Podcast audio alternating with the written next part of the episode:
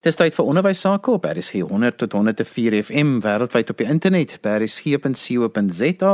Onthou jy kan ook na ons luister op die DSTV se audiokanaal 813. Vandag gesels ons oor dis die helfte van nog 'n uitsonderlike onderwysjaar waarin soveel dinge nie is soos ons dit altyd gehad het nie. Daar's baie dinge waarmee skole op hierdie stadium worstel, waaroor hulle moet dink. My twee gaste vandag is Jaco Deeken, hy's die waarnemende uitvoerende hoof van FETSAS en ons stukkie uitvoerende hoof van die SA nou u Chris Klopper saam met ons. So ek wil by julle weet hier in die middel van die jaar ons as onderwysleiers, mense wat nou in skole werk, waar is ons nou en waarna toe kyk ons? Jaco, kom ons begin sommer by jou. Ja, baie dankie. Ek dink ons het verlede kwartaal nogal baie vinnig gesluit onder COVID omstandighede in midde van 'n golf en nou maak ons 'n nuwe kwartaal oop onder die skaduwee van openbare onrus en diefstal en plundering plus COVID. So ek dink dit is regtig vreemde omstandighede, maar ek dink die grootste verandering vir ons binne beheerliggaam opset en as ouers is voor die vakansie het die inentingsprogram pas begin en ons gaan in die nuwe skoolkwartaal in met 'n baie baie hoë inentingspersentasie in die onderwyssektor en ek glo daarmee is een van die grootste hekkies verwyder om die skool 'n veilige werksplek te maak nommer 1 maar nommer 2 ook 'n veiliger plek te maak waar alle kinders kan wees en daar is ons so dankbaar vir die klomp mense in die onderwyssektor wat ingeënt is. Maar ek dink ons moet ons ook gereed maak vir 'n woelige tweede helfte van die jaar. En dan moet skouer in die wiel gesit word met klop akademiese werk wat nou ingehaal moet word en eksamens wat geskryf moet word en natuurlik die groot nuus is dan van die 2 Augustus af wat laerskole en ons spesiale skole dan 100% moet oopmaak vir alle leerders. En die ander goeie nuus is eintlik op die arbeidsfront gewees waar eh, 'n uh, paar maande terug is daar nog gepraat oor 'n dreigende staking. Maar Chris, julle het daar 'n groot knoop deurgehak. Ja, inderdaad, dit was 'n moeilike situasie gewees wat ons bewerkstellig het. Ek dink daar het baie gesprekke agter die skerms plaasgevind. Soos ons almal weet, die werklike onderhandelinge vind nie by die onderhandelingstafel plaas nie, maar vind buite die onderhandelingsforums plaas in die gangpraatjies waar daar dan met mekaar gesprek gevoer word om hierdie saak vorentoe te neem. Ek kan wel rapporteer dat ons in die onderwyssektor het al die onderwysvakbonde met mekaar gesprek gevoer en gesê dit is die laaste jaar wat ons kan bekostig dat daar enigstens enige arbeidsonrus plaasvind en dat ons werklik hierdie saak nie so moet bestuur dat daar geen onderrigting sal plaasvind nie. En so ons is baie dankbaar daaroor. Op die ander front dink ek is die een groot saak wat op die tafel was en wat nou omvat is deur die omsendskrywe van die departement van basiese onderwys is oor hoe hulle opvoeders wil hanteer wat nie ingeënt is nie. Nou ons verstaan dat almal wil graag ingeënt wees, maar daar is tog persone wat 'n persoonlike keuse kan uitoefen om nie ingeënt te word nie. Ons is die SAOE, ons ondersteun ten volle die beginsel van inenting en dat ons graag 'n 100% inenting wil hê. Maar dit is in 'n ideale wêreld. Ons erken ook die reg op mense se fundamentele regte dat hulle keuses kan uitoefen met betrekking tot hulle liggaamlike integriteit, hulle eie kulturele en godsdienstige oorwegings en ook mediese gronde. En ons hou nie daarvan dat hulle nou gedwing word om werklik ingeënt te word teen hulle sin nie. Dit is nie hoe dit werk in 'n volwasse demokrasie nie. En ek dink daar is 'n mite om te dink dat omdat mense ingeënt is, sal hulle veiliger wees in die werkplek. Ons het so vanoggend weer na 'n mediese program geluister en dit is baie duidelik dat persone wat ingeënt is, gaan steeds geïnfekteer word. Hulle gaan net nie so siek word soos die ander nie. So dis die een aspek wat vir ons op hierdie stadium redelike uh, hoofbrekings besorg en tot baie navraag lei. En dan die ander ene is van die 2 Augustus moet al die leerders in die laerskole terugkeer. Maar die belangrike ding is dat dit steeds onderhewig aan die veiligheidsvereistes van 1 meter tussen leerders. Almal moet maskers dra en dan moet deurgangs gesaniteer word. Maar in laerskole met dubbelbanke is dit onmoontlik om 'n 1 meter afstand te handhaaf. En nou kry ons onderwysamptenare wat sê dat nee wat jy kan maar mekaar sit solank jy net 'n masker dra. Nou ons dink dit is teenstrydig met 'n hele klomp van die veiligheidsregulasies en protokolle en daaroor sal gesprek gevoer moet word oor hoe om hierdie situasie te hanteer en te bestuur. Maar dit is 'n moeilike situasie veral teen die agtergrond daarvan dat 60% van ons lede rapporteer dat die leerders akademiese vlakke is nie waar dit behoort te wees as jy vergelyk met vorige jare nie en veral die graad 2tjies van hierdie jaar lyk of hulle sukkel in vergelyking met vorige jare. Net dit as 'n algemene inleiding oor verskillende aspekte weet jy wat ons daagliks mee besig is. Jaco, wat ek wil jou sê daarna vra, ons het nou verlede week juis gesels oor die graad 2's wat so sukkel met lees omdat hulle nie genoeg kontaktyd gehad het nie en al die probleme rondom dit. En ek meen die minister het ook gesê van die hoeveelheid ure van onderrigtyd wat ons verloor het. Dis verlore, ons het daai tyd verloor. Ja, ja, dit is waar, maar ek dink ou moet ook kyk na die konteks waarin die opmerking gemaak is. Dit is ook so dat eh, 'n uh, kollega van my sê gereeld dat as die gemiddelde hartklop van Suid-Afrika gesond is, beteken dit nie dat daar geen hartaanvalle gaan wees nie. En ek dink dis in die onderwyssektor net so van toepassing dat ons weet van skole wat voor die kurrikulum is en wat vir ons met vertroue kan sê hulle het eintlik meer kontaktyd gehad met die kinders en kon meer onderrig laat plaasvind omdat daar nie sport en kultuur en ander sosiale aktiwiteite was nie of waar skole effektief gebruik kon maak van elektroniese onderrig. Dit is natuurlik eh, nie die meerderheid van die skole inteendeel, dit is 'n klein groepie van die skole. So ek dink binne die groter konteks moet daar verseker bekommernis wees oor die onderrigtyd wat verlore gegaan het en die realiteit is veral op die grondslagfase dat uh, nuwe leer vind nie so maklik by die huis plaas nie die onderwyseres en dis primêr in die grondslagfase onderwyseresse speel 'n massiewe groot rol om hierdie kinders te leer lees, skryf en somme maak. Daar's 'n rede hoekom daai fase die grondslagfase genoem word. Ek dink ons as ouers kan ons kinders by die huis help en ondersteun. Maar onderwys is om 'n rede 'n professie. So daarom is dit so belangrik om ons kinders so gou as moontlik 100% terug te kry en as gemeenskap moet ons seker maak die kinders gaan terug skool toe.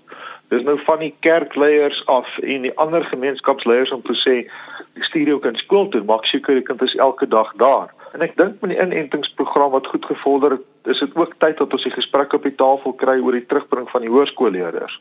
Dat uh, ons besluite nie op emosies moet neem nie, maar op basis van goeie feite wat op die tafel is wat medies gefundeer is.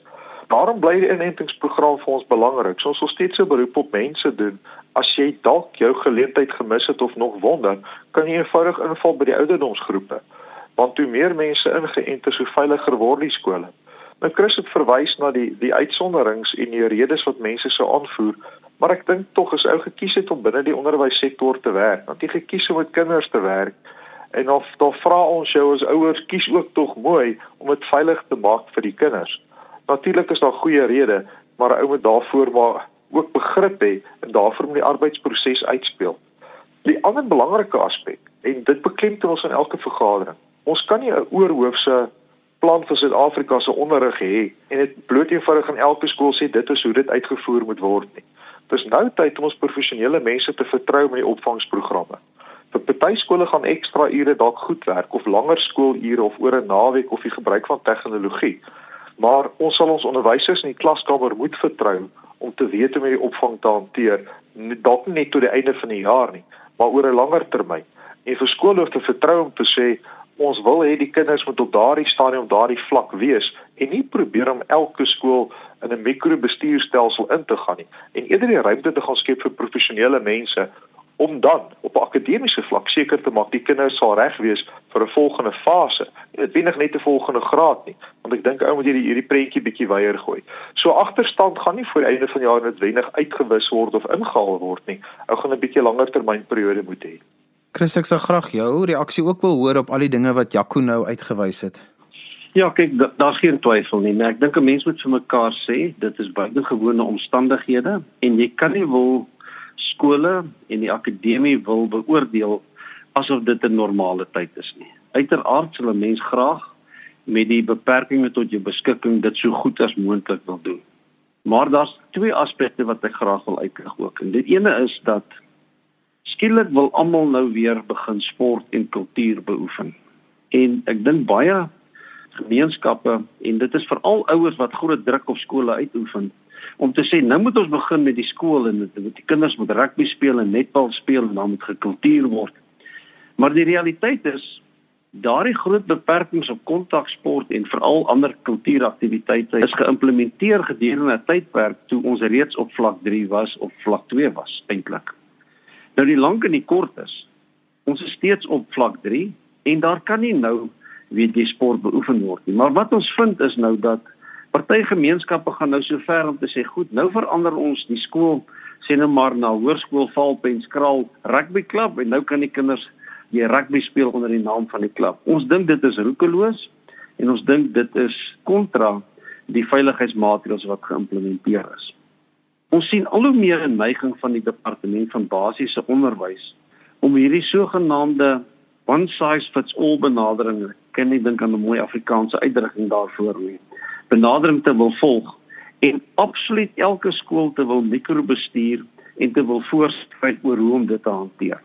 Die realiteit is ons sit met skole, ons sit met gemeenskappe van wisselende vermoëns, van wisselende ekonomiese standaarde en sosio-ekonomiese standaarde en is dit nie moontlik om alles op 'n een eenvormige wyse te wil bestuur nie.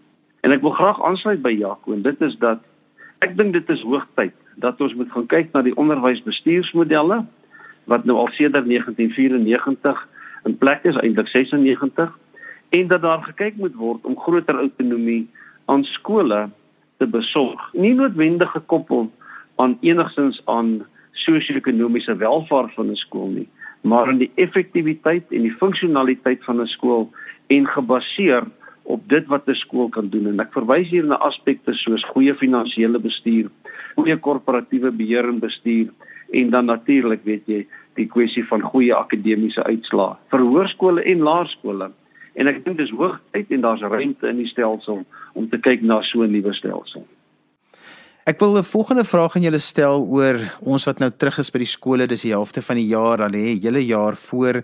Waarop moet skoolhoofde nou fokus om van hierdie jaar die beste jaar te maak ten spyte van die moeilike jaar wat hulle gehad het en al die uitdagings? Jakus, laat ons weer by jou begin. Ja, ek dink ons moet mekaar vra hoekom is ons 'n skool en hoekom is ons eerstens daar? En Chris het ook net nou daarna verwys nou uit 'n Engelse aanhaling gebruik en ek sal dit nou ook moet doen om te sê first things first. Die die, die belangrike dinge moet nou eers gebeur. En in 'n skool as jy vra wat is die belangrike dinge, is natuurlik om eers by die kurrikulum uit te kom en seker te maak ons doen dit reg. Maar dan moet ons in dieselfde asem, behalwe vir dit wat ons in die klaskamer moet reg doen, moet ons dit goed buite die klaskamer ook reg doen. Die virus is nog lank nie verby. Alhoewel daar goed ingeënt is, het die risiko minder geword, maar die risiko is nie weg. So ons gaan steeds nie dom dinge by skole moet doen nie om die sosiale afstande te handhaaf. En die goeie praktyke en ek dink die skole is 'n sterk gereguleerde omgewing waar daai praktyke ook huis toe te stuur. En daai gesprekke in die gemeenskap aan die gang te hou. So ek dink as ou gaan fokus om te sê waar wil ons aan die einde van die jaar wees met die akademie? Fokus daarop en maak doodseker ons kinders is reg gefokus. Ek dink skole het dit ook 'n ander uitdaging. Met 'n personeelkamer is ook maar 'n gewone plek waarin mense met lief en leed en hartseer en vrese en vreugdes is. En voor die vakansie het ons die belewenis gehad dat ons personeelkamers is onder spanning.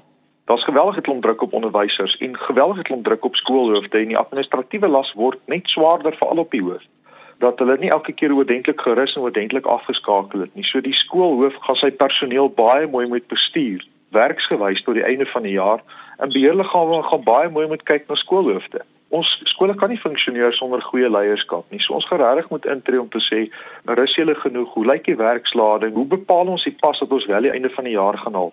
En dan bietjie buite die skoolkonteks met dit wat in veral in KwaZulu-Natal gebeur het met die onruste en die vandalisering van 'n klomp skole oor die land moet gesprekke in gemeenskappe plaasvind tot die einde van die jaar om te sê hoe gaan ons seker maak dat hierdie bate nie afgebreek word nie net tydens 'n onderus nie maar goed gewone vandale wat skole gedurende vakansies beskadig? En watse gesprekke moet daar gemeenskappe plaasvind? En ons is op rekord waar ons sê hierdie gesprek behoort gelei te word deur die skoolleiers. Ryk uit na die gemeentes toe en die kerke en die besighede nuwe insgewende organisasies rondom jou skool hou jou gesprekke in die gemeenskap dat ons nie hierdie bates afbreek nie, maar beskerm. So om 'n lang antwoord uit te kom, identifiseer die kernaspekte waaraan aandag gegee moet word en fokus daarop. Die res kan daarna eers volg. Johannes, ek kan voel, na ons oordeel is daar twee groot terreine waarop gefokus moet word. In die eerste plek is dit die psigososiale omstandighede by skole. Ek dink nie mense waardeer genoeg die geweldige druk wat daar op skole is op kinders en op opvoeders in hierdie moeilike omstandighede nie. En as jy met opvoeders oor 'n wye front praat, met skoolhoofde en gewone klaskameronderwysers, kom jy agter Hulle is emosioneel en psigies onder groot groot spanning. En ek dink dat gemeenskappe, onderwysleiers sal meer moet doen weet jy om dit aan te spreek. Maar die belangrike ding is wat 'n mens ook moet vra is, wie sien om na die onderwysleiers? En ek dink hierso het beheerliggame 'n baie belangrike rol om te speel. Dat ouers hulle antennes fyn moet instel en moet fokus op daardie gebiede om onderwysleiers, ek praat spesifiek van skoolhoofde en die senior bestuur in skole, weet jy tersyde te staan. Want doen ons dit nie, is die psigiese tamheid wat ons bespeer gaan net toeneem en dit gaan uiteindelik vir niemand tot baat wees nie. Maar net so kom ons agter dat kinders se sosiale gedrag is ook besig om te verander. Mense is sosiale wesens. Wat COVID doen is, hy hou mense uitmekaar uit. Jy kry nie meer daai absolute lekker sosiale interaksie nie waar mense ondersteuningsstrukture in skole vestig nie. Um, ek praat gister met 'n opvoeder, 'n dogtertjie van graad 6. Sy het haar pa en haar ouma verloor. Sy het nie meer die ondersteuning van haar maatjies by die skool nie. Sy kom skool toe, sy gaan weer terug skool toe. Die juffrou kan nie haar 'n drukkie gee of 'n drukkie op die skouer gee nie en daai kind kry al hoe swaarder. Dis nou net een voorbeeld. So die psigososiale is 'n belangrike aspek. En dan op die akademiese vlak. Ons opname toon dat in alle grade is daar groot agterstande met betrekking tot die tale, met betrekking tot lees en skryf en dan in die wiskundige gebied is daar uh, werklik 'n gesukkel om die wiskundige begrippe wat op daai betrokke graad van toepassing is onder die knie te kry. So ons aanbeveling sal wees dat kom ons fokus op die basiese met betrekking tot die akademie, kry jou tale in plek, kry jou wiskunde in plek want dit is daai vakke wat vir jou deur moet vat na die ander grade toe en uiteindelik weet jy na hoër vlakke van onderwys toe. As 'n ouer dalk 'n vraag kan vra of 'n opmerking kan maak. Ek het nou kinders in die laerskool en in die hoërskool. En is werklik goeie skole waarin ons kinders is. Maar dit voel my hulle hardloop van een assessering na 'n volgende assessering en dat onderwysers dalk so bang is die stelsel maak toe hulle nie genoeg punte nie dat dit voel vir my daar word amper oorgeassesseer en dat die departement geweldig druk op skole sit om 'n klomp assesserings te doen terwyl kontaktyd volgens my eintlik nou belangriker is. Is dit net 'n perspektief wat ek dalk as 'n ouer het of kry julle ook daardie klagtes van julle lede af? Absoluut. Daar is hierdie aandrang dat daar ten alle koste nou toetse geskryf moet word. En ons uit die onderwysprofessie volg nou lank al 'n benadering om te sê dat ons moet wegkom van die beginsel om te sê ons leer om te assesseer. Dit wil sê dat ons moet punte op 'n papier kry ten alle koste en hierdie punte moet so goed lyk as wat dit moontlik is. Ons beklemtoning en dit wil sê ons deurgangs met die onderwysdepartement Ons moet assesseer om te leer. En wat dit beteken is jy moet gefokus assesseer uit 'n baie baie sterk opvoedkundige perspektief om te sien waar is die leemtes in die akademiese mondering van kinders en dan daarop te fokus. En ek dink dat baie persone verstaan nie die werklike opvoedkundige verskil tussen die twee begrippe nie. Want 'n toets kan nie net 'n toets wees nie. Dit moet wees om 'n bepaalde doel te kry en punte is die laaste aspek daaroor. En ons almal verstaan uiteindelik met jy eksamen kan slaag, maar daar is 'n opvoedkundige basis.